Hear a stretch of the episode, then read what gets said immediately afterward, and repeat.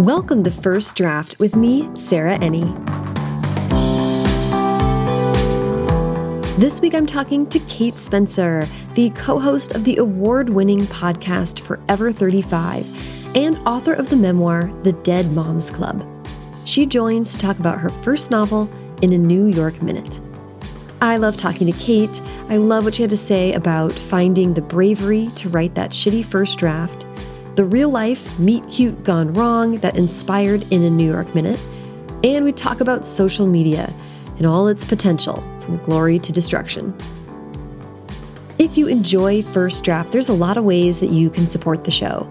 First and foremost, by joining the First Draft Patreon, where for 5 or $10 a month, you'll get access to an exclusive community forum where we're supporting each other in writing goals, sharing playlists, and all that great stuff monthly video chats with me, which are quickly becoming a highlight of my month, 15% off all first draft merch, and much more. Check it out at patreon.com slash firstdraftpod. If you want to just donate directly to the show on a one-time or recurring basis, you can do that at paypal.me slash firstdraftpod or by donating via Venmo. The show is on there at firstdraftpod. The show notes for this and every episode are packed with links to everything the guest and I talk about, and it's another great way to support the show. Because First Draft is an affiliate of bookshop.org, so whenever you buy a book through a link on firstdraftpod.com, part of your purchase goes to support the show, and part of it goes to independent bookstores, all at no additional cost to you.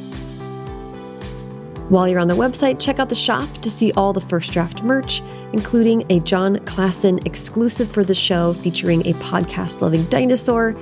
Every purchase directly benefits the podcast.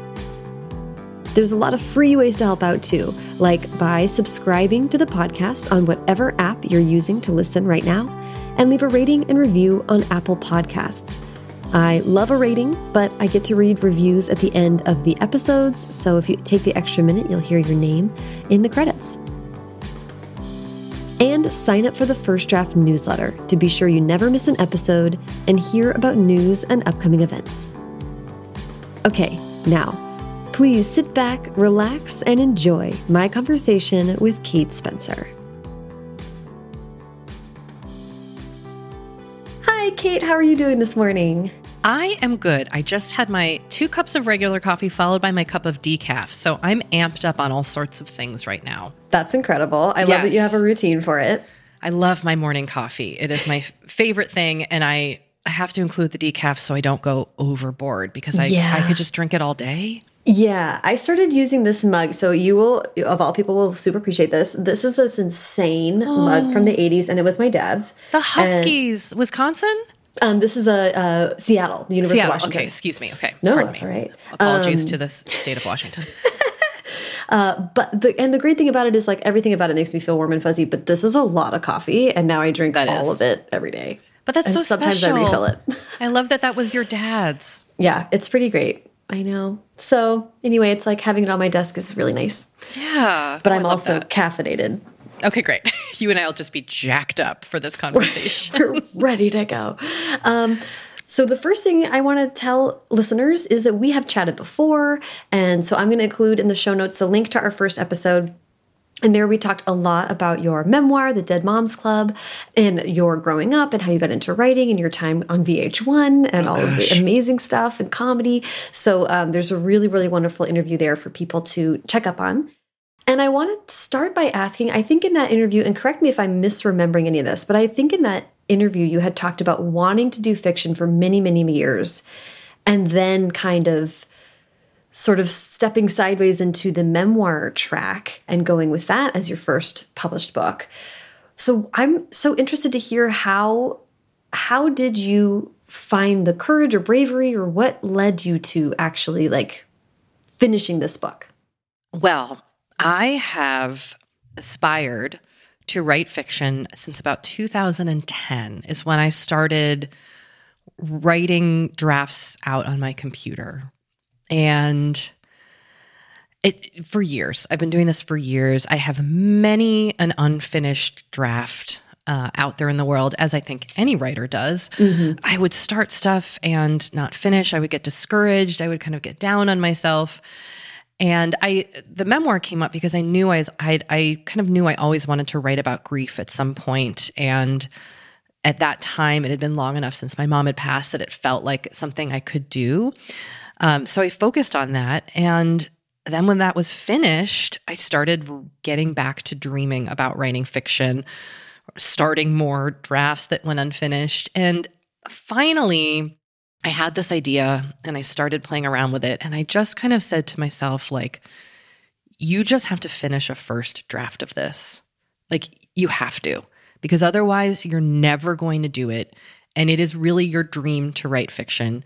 You love the genre that you want to write in, which is romance and you just have to like get your butt in gear and do it. And, you know, I struggle struggle with like confidence and also follow through and you know, I think we've talked like I have ADD, which I'm just kind of learning about now as an adult, but I think mm. that influences my ability to really focus. And so something I've struggled with my whole life. And and this time I just like gritted my teeth and I reread the shitty first draft chapter of Bird by Bird and I just finished a first draft.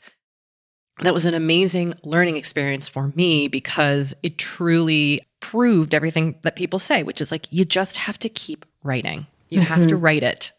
Because if you sit there and think and think and think and not put anything on the page, it's never gonna, it's just never gonna get done. You're gonna mm-hmm. talk yourself out of it. So you have to write a shitty draft in order to make it better. Mm-hmm. And and like wow, did I learn that? I mean, it just was so it was really wonderful to go through the fiction writing process from start to finish, you know, working with my editor because I could really finally see and understand the transformation that a book goes through and it made me really passionate about the process, especially the process of revising and also work working with an editor. I had always just felt like I've got to figure this out on my own and mm. nobody can see this because it's bad. They can't see it until it's amazing and having someone come in with like zero judgment who is on your team and wants to help you. I mean, it was just, it was really a really wonderful um, learning experience. I feel so grateful for it. So anyway, that's a very long-winded answer.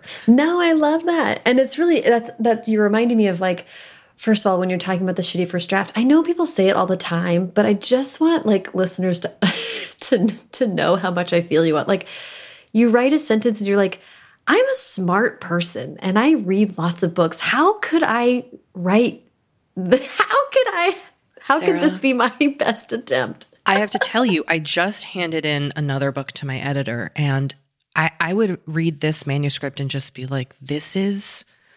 Uh, my dog could write a better book than this. I mean, and and truly, every day felt miserable. It finally felt better at the end after like quite a, a number of revisions. But I'm telling you, it was like I couldn't believe how bad of a writer I was as I was writing this. And you, and like, and then of course, once I finished the draft and then went back, it improved and improved and improved. And it's not great yet. Hopefully it will be someday, but it's better than it was. Yeah. And it's better than if it was nothing. But boy, it was hard.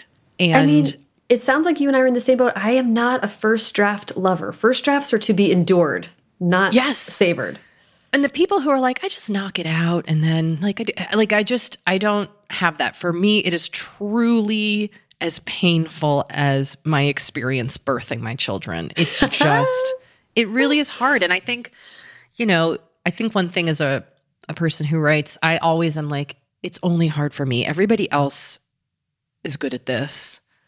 This is easy for them. I'm the idiot who can't do it. And the truth is i think every writer no matter what they're writing whether it's like scientific academic writing or mar- you know marketing or fiction whatever it's hard. Mm-hmm. it's hard. Mm-hmm. yes. And it feels really yucky sometimes. Yeah. Yeah. Uh, we can never overemphasize that. So i appreciate us pulling back the veil for the listener because that's a lot of what it is is being like ugh here we go. We're just gonna deal with it today. Yes but like, revision that's why i like revision because every time i get into the draft i'm like you know, if you if you have a decent day at revision, you're like, well, it's better than it was. You know, it might not be there yet, but it's definitely I'm improving by being here, and that feels good. It's truly like if I'm not a big jigsaw puzzle person, but every New Year's we go away with our friends, and my my friend uh, Susanna is like a she always brings a puzzle and sits and does it by herself, and I watch her process and it's like first you dump everything else on the table and it's a total mess. And then she gathers everything by like either color or all the side pieces, or she can kind of tell like these are the clouds. And you start to see it piece together. Mm-hmm. And that to me is what, you know, the writing process is like, where it's like, oh God, this is a mess. How am I ever going to put a thousand pieces together? And then you kind of just start slowly clumping things together and then it eventually becomes a whole. And re- i mean revising for me has felt miraculous every time i do it. It feels like the i, I love it. It's the most mm-hmm. amazing process because you're just polishing and polishing. You're like i can't believe this. Yeah this like dusty rough thing And now has like a little glimmer of shine to it. Like it might actually be something yeah. I don't know. I, I love it. It feels so good to revise things for me. I love that feeling. Agreed. Agreed. Yeah, that's. I appreciate everyone's process, but when people talk about loving first drafts, I'm like, uh. Our mutual friend Maureen Goo loves first drafting, and I'm yes, like, I know. I know. Love that for you. Can't relate. I can't either. I think she's the person who was like, who, I think she might have said, I I apologize, Maureen, if this is not you, but like that things don't change much, much from her first drafts. Like her first yeah. drafts are really well thought out, mm-hmm, and she mm-hmm. really takes her time with them. Mm-hmm. And this is the other thing that I have really had to learn as a writer is that it's wonderful to learn about other other people's processes, processes, processes. their process as a writer, but for me, it's it's really been having to learn my own process because mm-hmm. no other process is exactly the same and you'll hear somebody say what they do and you're like should i be doing that? And then you try it and you're like oh no this isn't for me but it is their way and it works mm-hmm. for them. Mm-hmm. so it's that's another thing that's been really hard for me is like you know reading about people who write 100 page outlines of their books. I don't do that. Yeah. i don't outline barely at all mm-hmm. ooh interesting see all right well we're gonna get into it but okay, first okay. i want to um, so you mentioned um, i think i was reading a, uh, another interview with ew, EW maybe where you also talked about the community around forever 35 which is the, the podcast that you co-host with Doree Shafrir like participating in the show because it's so about you working through your stuff helped you maybe get the bravery to tackle the book finally I think it was, you know, our podcast is such a gift because three times a week we sit and basically have like group therapy, just Doree and I, and then it includes our listeners who write in or call in to us.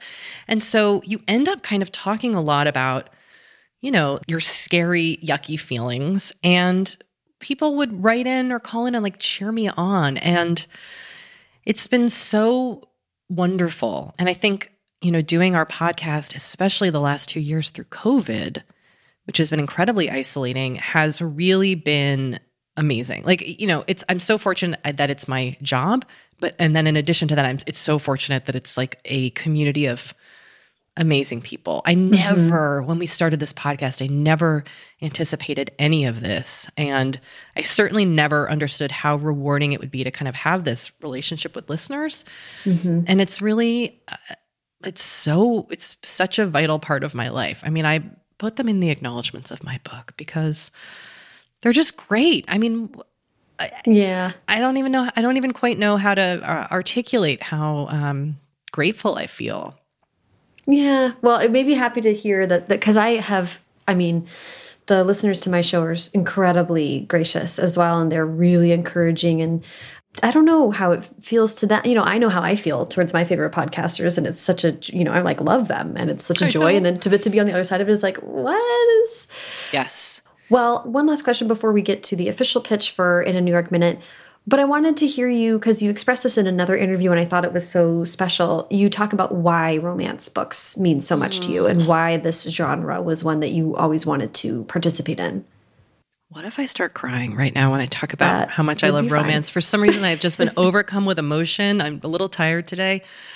Yeah, I mean, you know, I've talked a lot in my public life about the book Twilight. and, and you know, look, I know people have many varying opinions about Twilight, and I truly get them all and agree with many of them.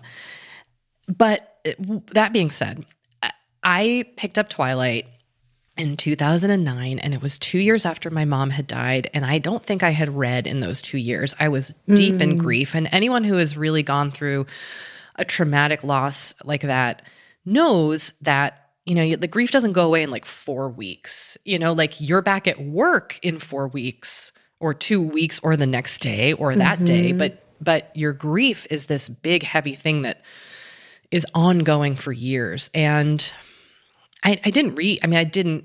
I don't even know what I did those couple of years after my mom died. It's a total blur. And I picked up Twilight, and I was decided to read it for work. I was covering the actors right. um, in my job as a writer, and I got so sucked in that that incredible feeling when you read something where you're like, I can't. I have to cancel everything today because I have to keep reading this book it's the only thing I can do. Mm-hmm. And after I read all the Twilight books, I started reading Twilight fan fiction. And so, because Twilight's a romance, all the fan fiction I was drawn to was all romance. Mm-hmm. And I just got completely caught up in it. It was just amazing. It made me feel incredible. It was such an escape. It, the, the payoff of a happily ever after was so rewarding. And then that just kind of led me to reading more YA and adult contemporary romance. Um, yeah. Can I ask really quick, just what were you a big reader of before? I don't know. I truly don't. You know, I think a lot of romance writers have these stories of like reading their grandmother's romance books and they've been reading historical fiction forever. And I had read, you know, I didn't read Pride and Prejudice until 2010. Oh wow! Because and that was part of this moment where I was like, I've got to read Pride and Prejudice. Like, mm. I love the move. Like, no, I can't remember which came first. Me reading it, me reading it. Where I'd never read Pride and Prejudice. What did I read That's before? So I, you know what? I truly, I read books. I love reading. I've read my whole life, but I don't know what I was reading in my twenties. Well, and that's, I mean, that's what I think has been so interesting for me to get a better understanding of about romance is how pivotal Happy Ever After is to the the genre's relationship with its audience. And I just had this experience recently. I moderate this book club, which has been fascinating because I don't get to choose the books, and that's part wow. of why I agreed to do it because I was like, get me out of my bubble.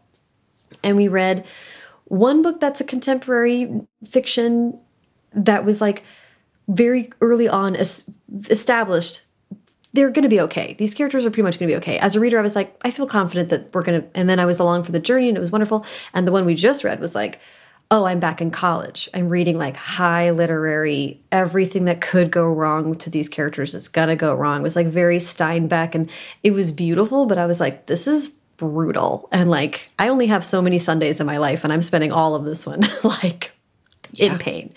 And it just reminded me of how meaningful that is to people who love romance and people who write romance that they're like this is a safe place where you can explore other things because you know what's going to happen in the end and that doesn't limit the story it actually opens it way up. Oh you you summarize it so beautifully. That is it. I mean it just is so incredibly satisfying and i think that you know there are so many people who have written and are currently writing romance who have done such amazing things with the genre and explored so many interesting things and i'm this has been already been talked about at length. I'm not saying anything new, but the way that the genre is dismissed by people who don't read it and not taken seriously is a huge oversight because there's so much incredible work and so many amazing writers mm-hmm. who have or who currently are written writing romance and um, yeah i mean just if you're not it doesn't have to be for you not every genre is for everybody but you are missing out there's yeah. just, and there's a sense of acceptance too, I find in the romance community. Like, for example, as I was telling you that I've been reading the Ice Planet Barbarian series, which is, you know, alien human romance. And any anybody I tell who like reads or writes romance is just like, oh yeah, cool. You tell somebody who doesn't really get it, they're like, you're doing what? Mm-hmm. You're reading what? And I'm like, listen, you have to understand. These aliens are just really sensitive, nice they're just lovely people. They're just and who wouldn't fall for them? But this is like to me, this is the thing that people and like we don't have to go too far down this road. But romance readers readership is also kind of uh, so closely aligned with like kink communities, right? And like Mm, yeah. that kind of expression of self. And you've literally never met a more well-adjusted person than like someone who's like deep in kink community because there's all about communication and they're all about like not shaming each other. There's some like emotional development that goes with like admitting what you like, seeking it out. You know, like the, it just feels like the emotionally healthy people I've met in that community. I'm like, this is aspirational, actually. That's that's such a great observation. I think you're so right. yeah. Um, so anyway, I'm like, we don't have to tell stories about Burning Man here, but very I've illuminating. never been. I've never been, but I want to go with you once, or like I'll go and then just like hide behind you and be like, "What is happening?" It's gonna be great. Um, okay. Well, thank you for that. That was just so meaningful when I read the another interview where you talked about why you love romance so much, and I was like, yes, I know so many people are in in that boat with you. Um, but let's talk about in a New York minute. Uh, to before I have uh, specific questions about the book, but um, before we get into that, can you pitch it for us? Of course. Um, in a New York Minute is about a woman named Franny who is having the a really crappy day. She just got fired or just got laid off, rather.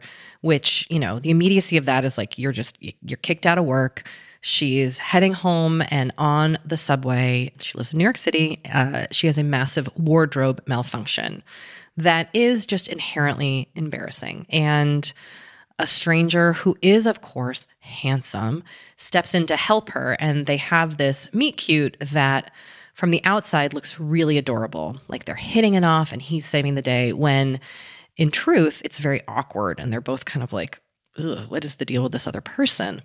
But uh, the moment is, of course, captured and put on the internet and goes viral. And everybody is rooting for them as this happy couple, when in reality, they did not hit it off. They go their separate ways, but of course, the magic of New York City and their really wonderful, supportive, funny friend groups just keeps bringing them back together over and over again. And it's um, really set against the backdrop of New York, which is my former home and still my favorite place in the whole world. And I, I didn't intend to, but I really channeled a lot of my homesickness into capturing New York in this book, and it really uh, came out more than I expected. Oh, I love that. Okay, I want to start by asking about the real life story Yeah. that your friend experienced that helped Yeah. inspire this. Yeah, I mean the the idea kind of formed because there were so many moments happening like, you know, after kind of 2015 where other people were capturing moments and assigning stories to them that didn't actually weren't actually true. And I'm thinking most mm-hmm. specifically of the plane Baes um, viral story, which if you haven't, if you aren't familiar with it, just Google Plane Baes. Yeah. And this idea that, and because I'm a romance writer and reader, any situation, I turn it into a romance in my head. Like if my friend's like, oh, it's so embarrassing, you know, I like farted in yoga and the guy behind me saw it. In my brain, I'm like, that's that's a romance. Like, how can we? so I understand why people have this urge to do that, but that was interesting to me because the idea of like, well, what actually happens when these people are assigned to the story and it what what the reality is not the truth at all. And then that actually happened to a friend of mine who accidentally kicked a woman's shoe into the subway while they were getting on in the morning rush hour in New York. And the woman just got a t shirt out of her bag and like wrapped it around her foot and was like, I'll be fine. And my, you know, they never saw each other, but they both tweeted about it. And then because they both tweeted about it, people, you know, they were connected. Then they went on like local TV and they, the TV station found the shoe. And my friend John presented the shoe to this woman and it was very awkward. And, but in my head, I'm like, this is the most perfect meet cute. But like my, you know, my friend John had a partner, and I don't know what this other woman's story was. Maybe, you know, there was no romantic connection. But Yeah. in my head, I was like, but this is the most perfect start to a romance. Like, obviously. so I just started writing. I just kind of started playing around with that and what it would look like. And and though that's what was kind of swirling in my head. A viral meet cute in the middle of New York that isn't actually what it seems. Yeah, I lo- which is such that is so so rich not only because it's such a fun and wonderful meet cute, but because it's such a modern way of looking at you know, I'm obsessed with social media and thinking about it from a thousand different angles. And this is one of those like, social media didn't invent this kind of parasocial story making about strangers. Like we would all do that in cafes or airports or whatever, right? Mm -hmm, but it, totally it gave it jet fuel, right? And turned it into something that like could intrude upon the lives of the people who or could be found out about and like start to map onto or people having actual feelings about these people who they don't know anything about. It's just such a, you're like, when do humans stop being humans in, in, in storytelling? About, it's like such a weird thing. It's, like the Plane-Baes were like, stop. yeah. And, and it was so weird because I followed that Plane-Baes story while it was happening and I was fully on board because again, everything in my head is a romance. So I was like, yes, uh, they are in love. Like they've, I can't, I love this so much. Like this is going to happen. There, it's true love. And then of course, like the woman was horrified and only and wanted privacy, which as she should. Mm-hmm. And the and the guy like you know went on the Today Show and kind of tried to like milk it, and mm-hmm. he, they hadn't really had a romantic connection. And mm-hmm. like not only I think what does it say about us that we hold that power in our hands to just you know give other people stories that could that are not true, but also like what does it say about us that we want those things to be true? I mean, yeah. that to me is why I read romance because I want yeah. those moment I want Plane-Baes to be real. Like there yeah. is this desire for these magical moments to work out and to be real. And so I just thought that was so interesting. It was such a social media is just wild. This makes me think of what do you think about um remember when it was like two months ago um, when oscar isaac and jessica chastain had that mm -hmm. red carpet mm-hmm. moment and to me the best take on that was someone quote tweeting that and being like we're so hard up for rom-com movies like make us good rom-com movies like we need these moments and we're desperate for them yes because they are both happily married people.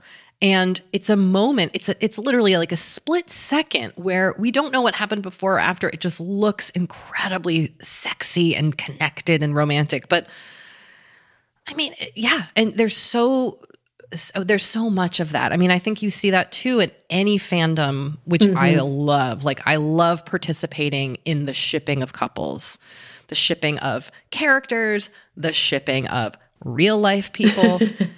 but so much of it is projection. And yeah. in in reality, these are, you know, real people with real lives and real problems making real mistakes. And mm-hmm. um I do think we just we want that fantasy so badly, which is what just why it's fun to write it too because you know mm-hmm. you get mm-hmm. to like mash these two characters together and pull them apart but you know in the end you're going to get your it's happily ever after. It's Gonna work out. It's going to pay off. Yes.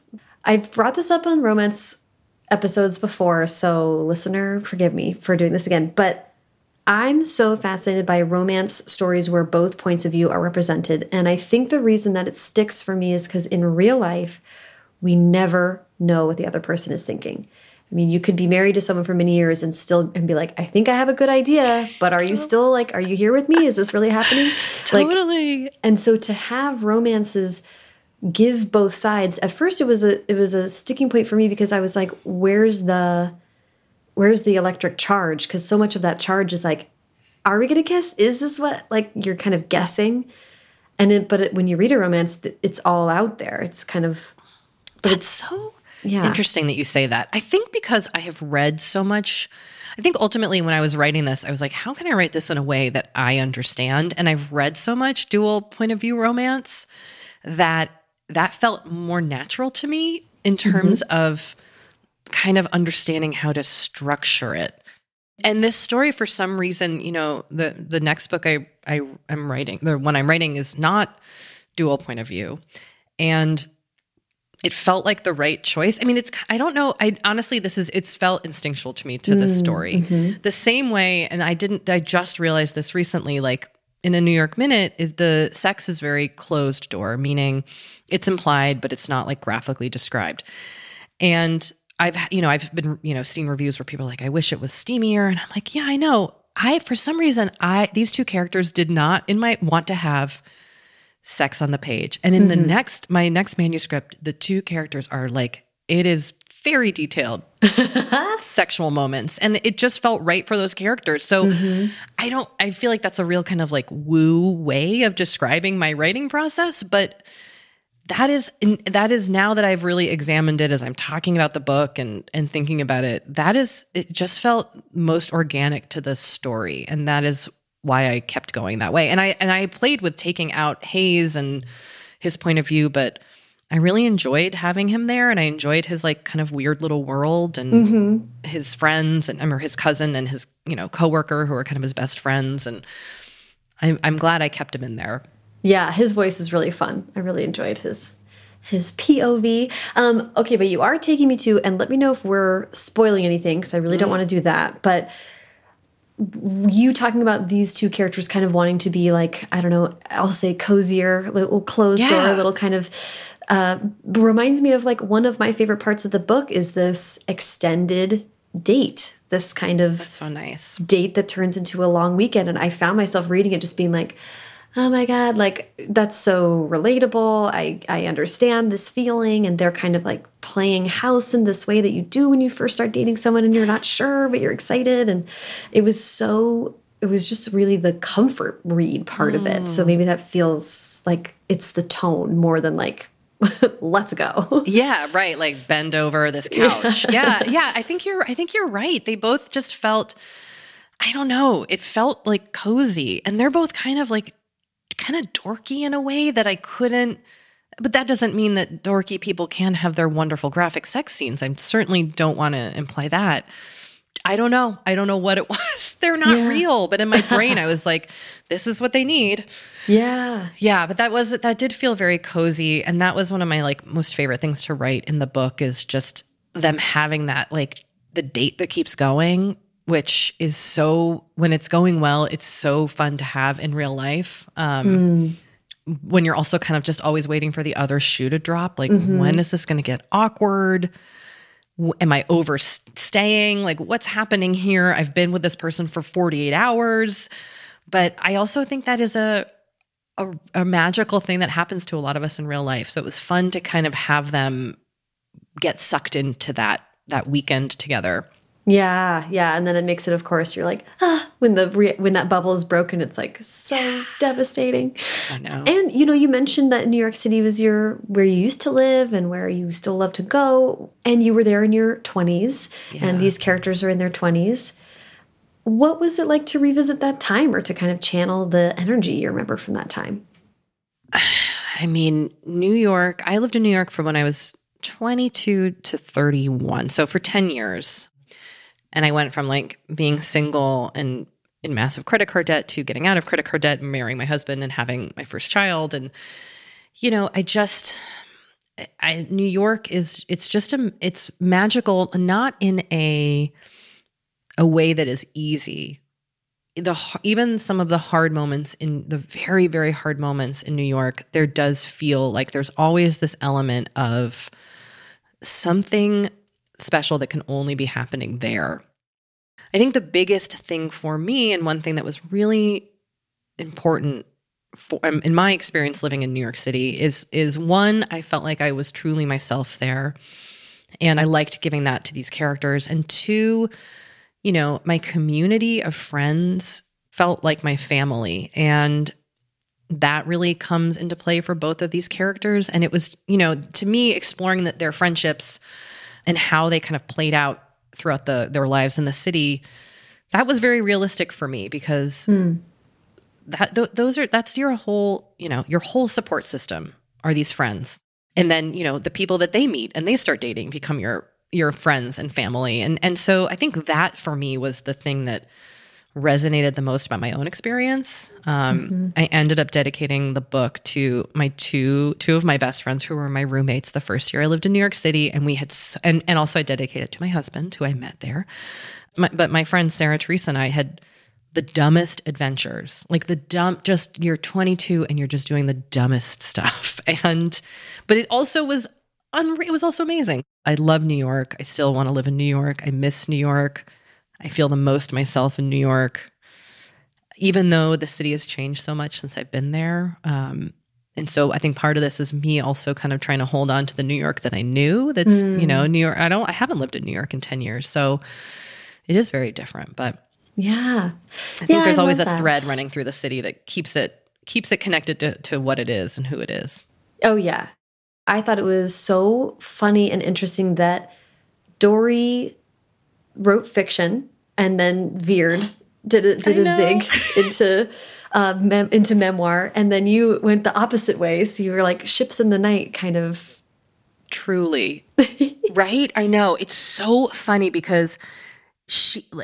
I, I don't know how we did that, and and Doree and I, the way our friendship really kind of connected was when we were writing our first books. We kind of formed like a two person critique group, and she would help me with my memoir and I would help her with Startup, her first fiction book. So it was really funny to just kind of like go at it again. Just flip flop. Yeah, it was amazing. and I was so like, I mean, it sounds so dorky, but I was so proud of her for writing her memoir. Like writing a memoir is not easy. It's it's weird and hard and so personal. And so it was fun mm-hmm. to kind of also just observe her doing it and not have it be me that time. Mm-hmm. Right, right, right. Uh, yeah, and it's kind of like you were both uniquely situated to help each other out and encourage each other through that process because you yes. definitely you knew whereof you spoke. I mean, it's so amazing having a business partner who is also an author because we get it. You know, like anytime I'm like, "Hey, I am in like revision hell and I need you to handle this." And she's just like of course you know? And it, the same goes for she understands what i'm talking about. And she's also like my biggest cheerleader and mm-hmm. supporter because she knows the the misery that can be working through working through one's writing. So yes yes. No that's that's that's crucial. Uh, was there anything else about new york minute that you wanted to make sure we got to or? Oh my gosh. No you know i well i will say i hope that in addition to it giving people scratching that happily ever after itch. I hope there is a fun and funny element to it. I hope it makes people laugh. Um, because oh, yeah, I should have said that. It's very funny. It was fun to funny write. Book. Oh, that's so nice. It was fun to kind of try to make it funny, and you know, especially after writing a memoir about my mom dying, which you know, I come from a comedy background, so I think that's always woven into my work. But like, it was just so nice to just be like, boop boop boop we're kissing on a sidewalk. You know it just felt it just felt so fun and light to get to to write in that way. So i hope that that that it gives people that feeling um, mm-hmm. because that was what i wanted to accomplish because that's what i love to read. It's been you know it's such a gift to get to read books that make me feel that way. Yeah i love that. So i i mean i'd love to hear about like the next project. I i, I kind of am interested in like you finally do the thing you finish this book it's like like for back, lack of a better phrase it goes all the way uh, and then you're like okay what's next like when did you start to formulate an idea of what came next how did you when did you start working on it this my next book mm -hmm. okay sarah I have been trying to write a version of this book since 2015. Oh, really? I have written so many the general idea that I've been playing with for six years adults back at their childhood sleepaway camp. Oh. I wanted, oh. I wanted desperately to write a book set at a camp that captures uh, one, like that feeling of loving this thing from our childhood, but then also like, oh gosh, we've changed and like now we're adults. And what does that mean? So I have been trying to write some sort of sleep adults at sleepaway camp romance for seven years. Oh my goodness. And this was another moment where I just had to be like, okay, Kate, this is it. You just have to commit to this idea now and get your butt in the chair and write mm. it. So, you know, the manuscript is with my editor. This could all change, wildly change when her insight comes in. And, and I have to say, like, my editor, Amy Pierpont, is so amazing. I like, she's like a wizard. I'm so excited to work with her on another book. I really, I, it's just been such a wonderful experience. I feel like I've learned so much from her. But yeah, it's about two, it's about two old childhood friends who have always kind of bickered and never quite gotten along and always been at each other's throats and are back at their old childhood camp where uh, it's revealed that it's going up for sale. And so, just as sparks are flying between the two of them, they both become the two people who want to buy the camp. Ooh, I I love so it's, that. It's that kind of like, you know, a little bit of enemies to lovers, a little bit of like forced proximity, Mm-hmm. a little bit of like the competition, which is always I enjoy in a romance. I love a competition. I love that. Oh my gosh, that sounds so fun. It it's been it now that it uh, in the revision stage, it finally got fun. For putting it all on paper the first time, it was it was really challenging. But I also think like we're in a pandemic and the world feels very intense. Nothing is easy right now. I can barely like wash a dish. Yeah, truly. Uh, You know, What- nobody's I job feels good. no, nothing. Yeah, exactly. I look at my cat sometimes and I'm like, you're the only one who gets it. Like, you're living the real life here. Yeah, my puppy. I have a puppy here, and she's just like bopping around.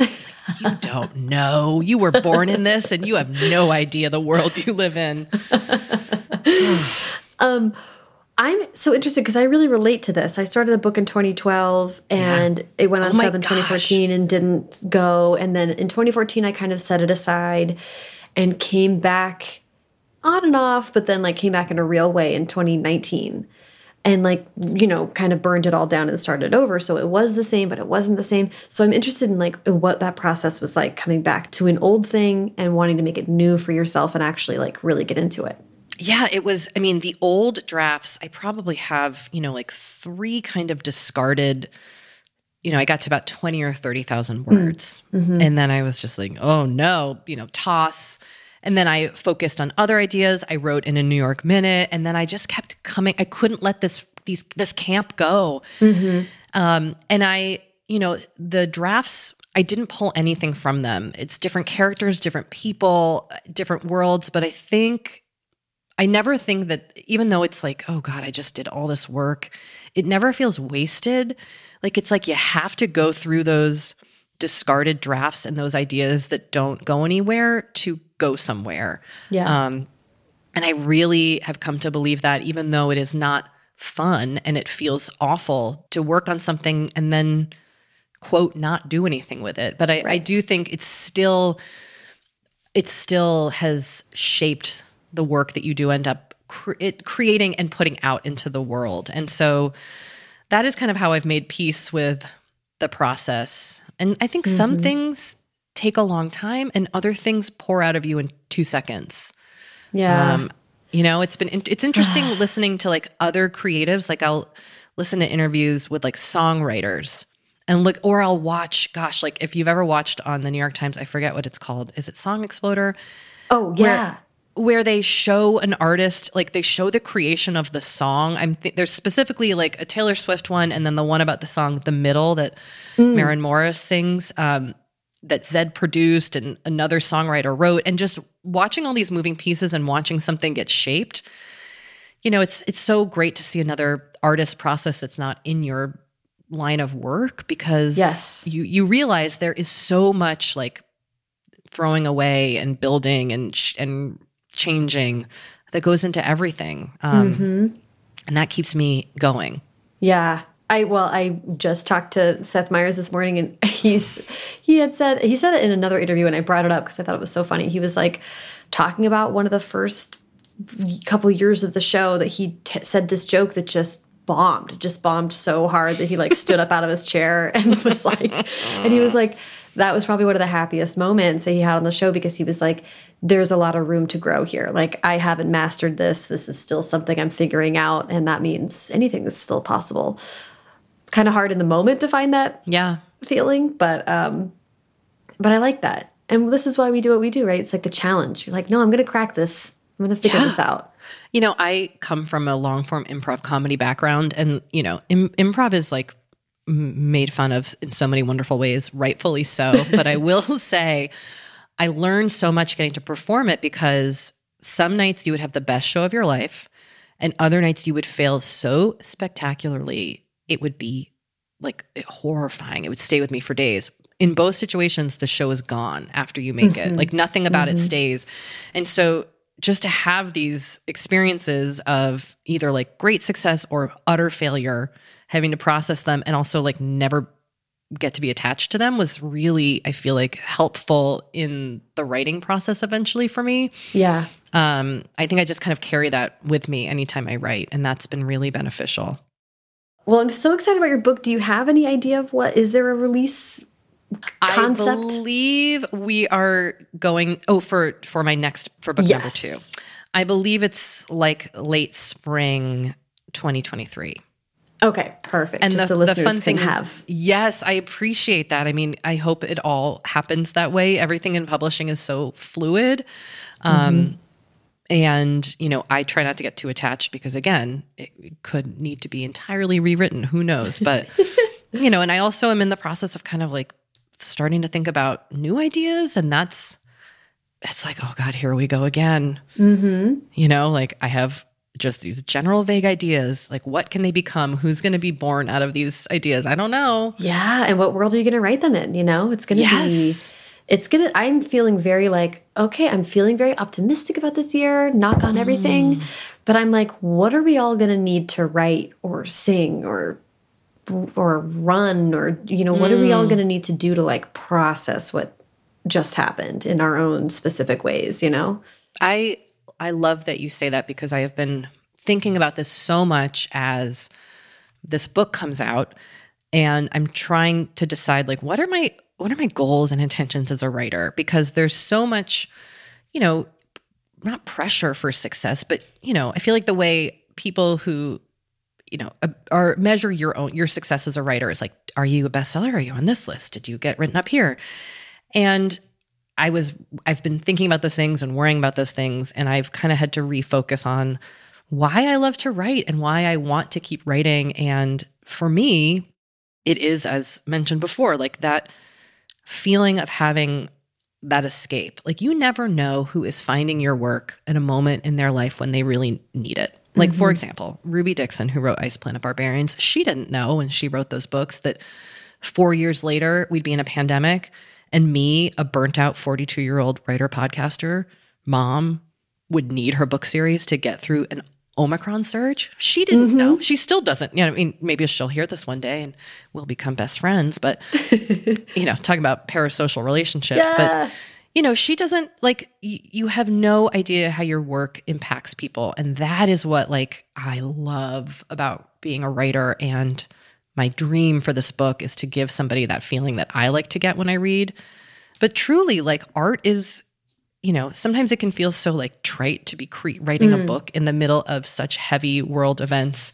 But then you realize like art is really the way we tell these stories and keep these stories going, and also the way people get through and mm-hmm. survive and escape, you know? And I, mm-hmm. I think it's, there's such value. And I, I try to remember that whenever I'm like, "Ugh, I'm writing a romance book and in the midst of human suffering, Right. you know, because Yeah. you can get in your head a little bit sometimes, as, Yeah. as one does. you can get really really reductive when we know that's you know we've experienced the feeling of being like some of the most meaningful books in my whole life i think sometimes i find myself recommending a book and i'm like why do i like this book and it's like oh it's because i read it at, one of the lowest points and that book was my escape and i'll forever be grateful to it for that and so i love it in an outsized way that has no bearing on this recommendation it's like i don't know if Yes. you'll like it but it meant it was there for me I think that's so important though, because, you know, not everybody is going to like the same book. And like you said, like it, it provides everybody a different thing. And so there's no way to, every book is valid, I guess is what I'm saying. Like Yes. every, you know, your, every opinion is, is valid. And, um, you know, there's no such thing as like a trashy book or a bad book. I, or, Yeah. you know, maybe a couple can slip in there, but like I really try, I really, I really try to remember that about my own work and about other things. It's like the thing that you, that changed your life, yeah I might pick up and be like, what? Doesn't Yeah, make it it- any less important or less valuable. Totally. And I fully had that thing where people are like, I, t- I took your recommendation and I don't know about that thing. Right. It's like, great. Doesn't change That's my relationship to it. Doesn't, you know, wasn't for you. That's totally fine. I do want to, you kind of led me to this.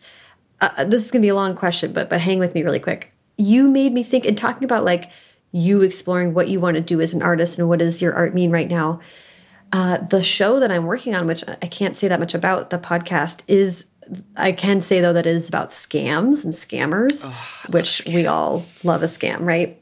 Yes. Um, and I'm obsessed with with reading about them. But it's gotten me real kind of spun out once or twice of being like, these people really desire influence and a platform to do what with it though and like so many of these people they go to the extreme lengths i mean tinder swindler i think you, you mm -hmm. were talking about mm-hmm. that on it so i'm like all the point is the gucci pajama set like that's worth ruining someone's life is like oyster dinners and expensive champagne and putting on instagram like fendi loafers it's like wait that's it there's no there there. Have you listened to the Sweet Bobby podcast? No. I think it's it's a British podcast that tells the true story of a woman who is extremely catfished for years. And that's that's another story where it's like what is the why here? Yeah. And you What's and up? In addition to, you know, probably some elements of like, you know, mental illness. Mm -hmm like what are we what are what is missing for us that we feel the urge to do those things yeah. It's because it's it's psychological you know it's emotional and psychological i think like mm -hmm. that's ultimately what it is but boy it is very intense it's, i can't wait for a your scam podcast i, I, I will definitely let you know and it's very like we're looking at it from a narrative point of view and it's like you know these people in and of themselves are often not that interesting. It's more about like whose lives did they disrupt, what happened when they blew in, but like there's not a lot of there there. What's her name? Theranos. Elizabeth Holmes is not yeah. that interesting a person. She's just a sociopath. But like what are who did she convince? What happened around? Like that's what's interesting, but the deeper you get into it, the more you're like and a lot of our show is trying to focus on influencers and once you kind of it's like but to influence what? You know what I mean? And that's like, I guess the reason I'm thinking about it is that, you know, I think of Forever 35 and you guys are serum influencers, dare I say. that's and, so nice. But it's also like what the entire purpose of your show at this point, from what I understand, is like providing community for people and like an understanding place where people can come and talk about these things. And that's what you're, what you just express that your book is doing. And it's just interesting to be in a world where people are willing to go to such extremes to get something that is so meaningless. You know, it's like I've had oysters, they're good, but like they're not worth, you know, bankrupting someone I meet on Tinder. That's that's like what does that mean? I know I know the the impact of social media. I've been feeling, you know, I'm 42 and I have the last couple of years have been feeling like very nostalgic for um you know, my life 20 something years ago, I think kind of watching 90s trends come mm -hmm. back, watching the impact that the negative impact social media can have on things, and also just remembering how freeing it felt to live in the 90s um, mm. and not ever feel like everything you did or said was going to be seen by a million people. So it had to be look or feel a certain way. So I'm following 90s art school on Instagram, and it was started by a person who went to RISD in the late 90s, and they had all these Polaroids, and they just started posting them to Instagram, and and so it's been so. It looks like my oh, college wow. experience in the late 90s, and you can just sense there is a freedom there that doesn't exist anymore, um, and that has made me feel really sad. And well, I don't know where I've gone on this tangent, but no, I just I'm have been thinking about that a lot. I'm so, and I'm scrolling it. Oh my God, this old iMac. Ah, um, I am so with you here. We're way off, but I feel like this is important because I don't think it's a coincidence that uh, I will tell you over the last year I started using. Do I have one? Just Kodak Instamax it, just a, a, disposable camera, an yeah. actual physical disposable camera, and I've been carrying it around with me everywhere and, oh, taking yeah. people's pictures. I saw someone shared them. They were like, "Oh, Sarah's pictures just came back." I think and, this was on Instagram. Yes, yes. Um, and I the the thing I noticed right away, Kate, which is just exactly to your point, is I could see and feel how different my friends felt when I took that out as yeah. opposed to my phone. Unreal, right? People just, it was more like what didn't happen. They didn't tense up. They didn't ask to see it. They didn't have in the back of their head, is this going to go on Instagram immediately? Are they going to tag me? Are they just who knows that I'm at this party? Who, whatever. It's like none of that internal script had to happen. They knew they were going to see these for weeks, if ever. And then the pictures I got back were not like great, you know, but they were so much more real. And they're like, and by the way, uh, these uh, with a flash, no one has pores. Everyone looks amazing. It's like, it's so wonderful. So I I really recommend that because it did bring some of this back, and I think it made times when we were just sitting together feel like it could stay there even while yeah. we were still memorializing it. Yeah, and it felt special. You know, it wasn't shared with everybody. Yeah. So those memories feel, and you know, it's uh, when you ask about my experience in my 20s in New York, I moved to New York in 2002. So it was still like that. Mm. And I think that is what, or excuse me, I moved in 2001. I moved like mm. a month after September 11th. It, it's still, you know, there's that feeling of like, I'm experiencing this thing and it's just, it's so enjoyable and it's not for anyone else. Mm-hmm. Um, and that has been lost. And I like deep, I'm feeling like I'm deeply grieving that for some yeah. reason. And I don't know and at the same time, I think social media is wonderful. Like, mm-hmm.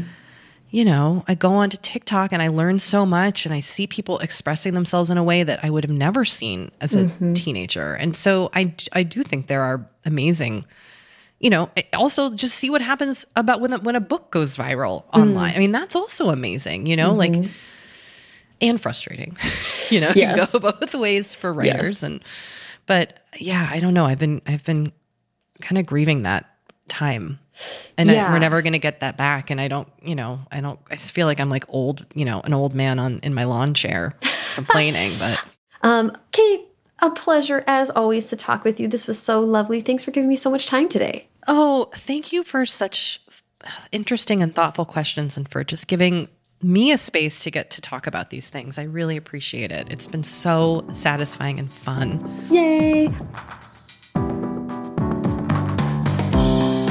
Thank you so much to Kate. Follow her on Instagram at Kate Spencer and follow me on Twitter and Instagram at Sarah Enni and the show at First Draft Pod.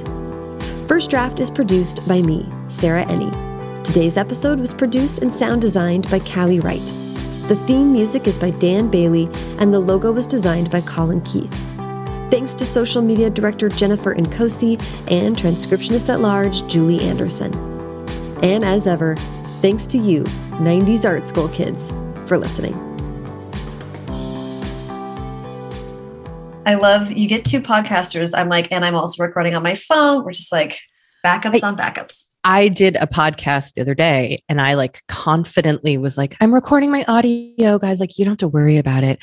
And then our power shut out and I lost the audio and I was so embarrassed. I was like, I'm I hadn't saved it. Like I just was like, I'm supposed to know better. Oh no. So I wasn't proud of that. You know what? That happens.